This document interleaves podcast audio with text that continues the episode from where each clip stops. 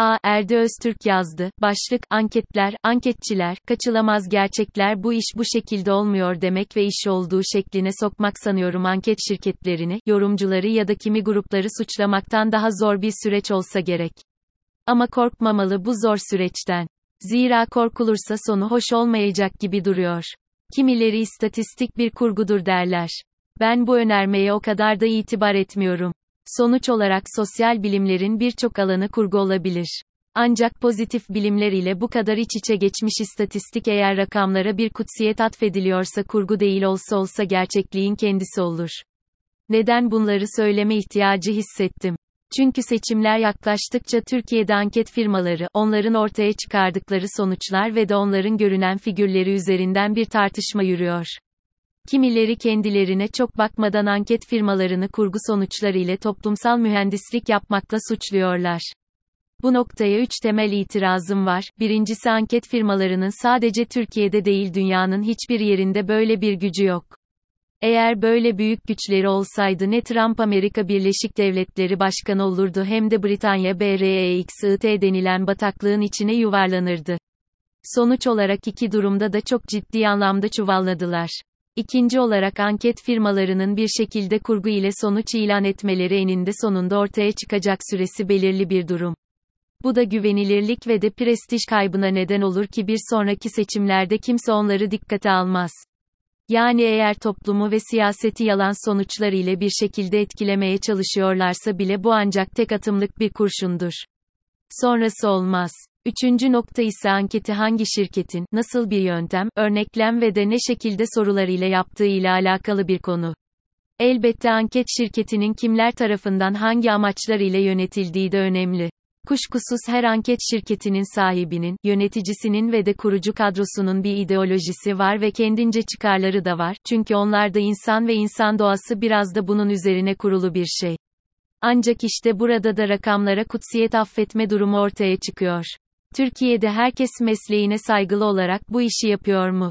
Elbette hayır ama rahmetli Tarhan Erdem ve Bekir Ağırdır'ın omuzlarında yükselen konda, Özer Sencar'ın titizlik ile kurucu yöneticiliğini yaptığı Metropol, Emre Erdoğan'ın akademik zenginliği ve de tecrübesiyle bizleri aydınlattığı ve zaman zaman kamuoyu ile de paylaştığı sonuçları ve Can Selçuk'un Türkiye raporunda sorduğu ilginç sorular Türkiye'de anket işini çok ciddi yapan kişilerin olduğunu da bizlere gösteriyor. Sonuçta unutmamak lazım misal Metropol ve Konda çok fazla sayıda seçimi neredeyse birebir doğru tutturmuş şirketler. Yani tarihlerinde bizlere doğruları söylemişlikleri çok. Sonuç olarak bir şekilde anket şirketlerini zan altında bırakırken bir onların geçmişlerine, iki kimler olduklarına, üç işlerini ne kadar kendilerine, mesleklerine ve de topluma saygı ile yaptıklarına bakmak lazım. Hoş onları zan altında bırakırken de bırakanların kim olduklarına, geçmişlerine, mesleklerine ve de yaşadıkları topluma saygılarına bakmak lazım. Kaçınılmaz gerçekler bence bu kadar tepki toplayan, kamuoyundaki görünür anket şirketleri Türkiye'nin bugünü ve geleceği için kaçınılmaz olan gerçekleri söylüyorlar. Hem de sadece birisi değil birkaçı benzer şekilde. Hoş anlaşılan kimilerinin canı sıkılıyor, bu konulardan kaçmak istiyor ya da durun zamana bırakalım diyerek şimdilik can sıkıcı konuları ötelemek istiyorlar ama hayat galiba çok da öyle bir şey değil. Hayatın gerçekleri var, kaçınılmaz sonları, yaşanması gerekli durumları var, ne kadar ötelerseniz öteleyin ne kadar kaçarsanız kaçın sizi gelir ve bulur. Asef Bayat'ın dediği gibi hayat siyaset, siyasette hayat gibidir. Kaçamazsınız. Gerçeklik neyse bir gün sizin karşınıza çıkacak. Önemli olan o gerçekliği kendi istediğiniz hale dönüştürebilmek ya da o haldeyken onunla yüzleşebilmek, ne diyor bu şirketler? Seçimler ikinci tura kalır ise Erdoğan büyük olasılıkla seçimi kazanır diyorlar. 2015'teki seçim arasında yaşadıklarımızı, Erdoğan'ın elindeki devlet imkanlarını düşündüğümüz zaman bu bir gerçeklik değil mi?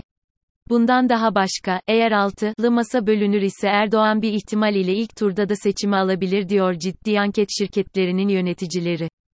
Nokta. Refah Partisi aynı kampta olup bölünen siyasi figürlerin ihtiraslarının doğrudan ve de dolaylı katkısı ile 1990'ların ortasında hem yerelde hem de genelde iktidar olmadı mı? Bu durumda aslında bir noktada dünün ve de bugünün AKP'sini ortaya çıkarmadı mı? Anket şirketlerinin yöneticileri altılı masanın heyecan yaratmadığını ve de buna karşın Erdoğan'ın yavaş yavaş toparlanmaya başladığını söylüyor. Allah aşkına altılı masanın güçlendirilmiş parlamenter sistem haricinde hangi önerisi bizlerin aklında kalabildi? Buna karşın Erdoğan her ne kadar çok gerçekçi olmasa da her gün hane halkına yönelik irili ufaklı ekonomik önemler açıklamıyor mu? Bu önümüzde duran bir gerçeklik değil mi? Bütün bunların hepsinden de önemlisi ciddi anket şirketleri bizleri altılı masa aday belirlemede geç kalıyor ve dahası aday belirleme sürecinde yapısal aksaklıklar var diye uyarıyor. Belediye başkanlarının doğrudan ve dolaylı bir şekilde oyundan el çektirilmeleri ve bunun da ötesinde genel başkanlarına topuk selamı verircesine biat etmelerine zorlanmaları onların popülaritesini düşürüyor. Bu da Erdoğan'ın hem görünürlüğünü arttırıyor hem de daha az cephede mücadele ederek gücünü daha ekonomik kullanmasına neden oluyor. Korkmamak lazım. Diyelim anket şirketleri hep bir ağızdan AKP iktidarı tepe taklak aşağıya gidiyor ve de muhalefet bloğunun yaptığı her hamle akıllıca düşünülmüş hamleler deseler. Bu sayede de muhalefetin içerisinde kendini kandırmış gruba dolaylı destek verseler ne olur? Öncelikle herkes kendini kandırmış olur ve hala seçimler için önlem anlam şansı varken önlem alınamamış olur.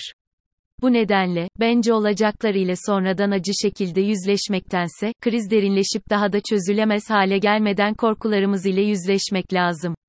Bu iş bu şekilde olmuyor demek ve iş olduğu şekline sokmak sanıyorum anket şirketlerini, yorumcuları ya da kimi grupları suçlamaktan daha zor bir süreç olsa gerek.